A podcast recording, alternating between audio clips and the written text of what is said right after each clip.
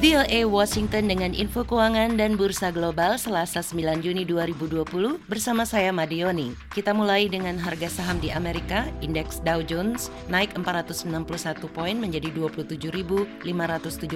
Indeks S&P 500 naik 38 poin menjadi 3.232. Indeks Nasdaq naik 110 poin menjadi 9.924. Di Eropa, indeks Financial Times London turun 11 poin menjadi 6.472. Indeks DAX Jerman turun 28 poin menjadi 12.819. Indeks CAC 40 Paris turun 22 poin menjadi 5.175. Di Asia, indeks Nikkei naik 314 poin menjadi 23.178.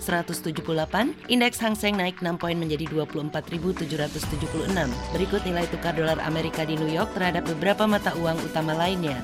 1 dolar Amerika bernilai 0,88 euro dan 108,3 yen Jepang. Sementara pound sterling Inggris dijual di New York seharga 1,27 dolar dan 1 dolar Amerika sama dengan 13.914 rupiah. Sementara itu, harga beberapa komoditas kunci pada penutupan pasar di New York sebagai berikut. Harga minyak mentah WTI pengiriman bulan Juli turun 1 dolar 33 sen menjadi 38 dolar 22 sen per barel. Harga emas naik 21 dolar 50 sen menjadi 1.704 dolar 50 sen per troy ounce. Harga tembaga naik hampir 3 sen menjadi 2 dolar 58 sen per pon. Harga kakao atau biji coklat turun 11 dolar menjadi 2.373 dolar per ton. Harga kopi tetap tidak berubah, kurang dari 1 dolar, yaitu 98 sen per pon.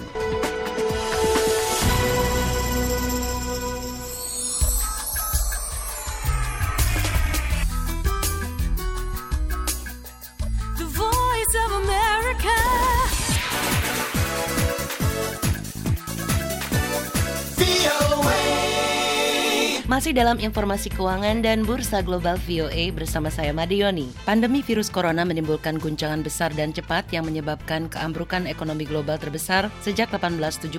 Meskipun pemerintah sudah memberi dukungan besar dan belum pernah terjadi sebelumnya. Demikian dikatakan Bank Dunia Senin. Ekonomi dunia diperkirakan menyusut sampai 5,2 persen tahun ini, resesi terburuk dalam 80 tahun terakhir. Tetapi akibat banyaknya negara yang mengalami keterpurukan ekonomi ini, berarti skala keanjlokan ekonomi ini lebih buruk daripada semua resesi dalam 150 tahun terakhir, kata Bank Dunia dalam laporan Prospek Ekonomi Global terbarunya. Ini adalah proyeksi yang sangat suram di mana krisis tampaknya akan mewariskan kerugian jangka panjang dan menciptakan tantangan global yang besar, kata Sela Pasar Basioglu, Wakil Presiden Bank Dunia untuk Pertumbuhan, Keuangan, dan Kelembagaan. Krisis yang parah akan menyebabkan 70 hingga 100 juta orang jatuh ke dalam kemiskinan yang ekstrim lebih buruk dari perkiraan 60 juta sebelumnya, katanya kepada wartawan. Meskipun lembaga pemberi pinjaman internasional yang berbasis di Washington memproyeksikan pemulihan pada 2021, namun ada resiko terjadinya gelombang wabah kedua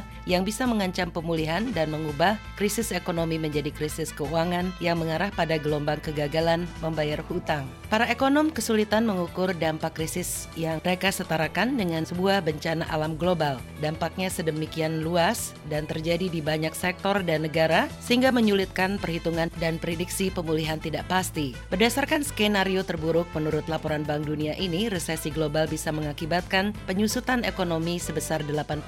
Namun, pasar Basiglu memperingatkan, mengingat ketidakpastian ini sangat besar, kemungkinan akan terjadi penurunan lebih jauh. Meskipun pendapatan bruto Tiongkok akan naik hanya 1%, Bank Dunia mengatakan perakiraan negara lainnya lebih suram lagi. Amerika minus 6,1 persen, zona euro minus 9,1 persen, Jepang minus 6,1 persen, Brasil minus 8 persen, Meksiko minus 7,5 persen, dan India minus 3,2 persen. Beralih ke laporan lainnya, Inggris hari Senin menerapkan karantina selama dua minggu bagi sebagian besar pelaku perjalanan dari luar negeri untuk membatasi penyebaran virus corona. Hal ini memicu kecaman dari sektor penerbangan yang sedang terpuruk yang mengklaim akan kehilangan puluhan ribu lapangan pekerjaan. Penduduk Inggris dan pendatang dari luar negeri harus mematuhi aturan isolasi diri selama 14 hari atau menghadapi denda 1.200 dolar. Para pengecam mempertanyakan mengapa Inggris yang paling parah terimbas COVID-19 di Eropa dan telah secara bertahap mengurangi penutupan wilayah,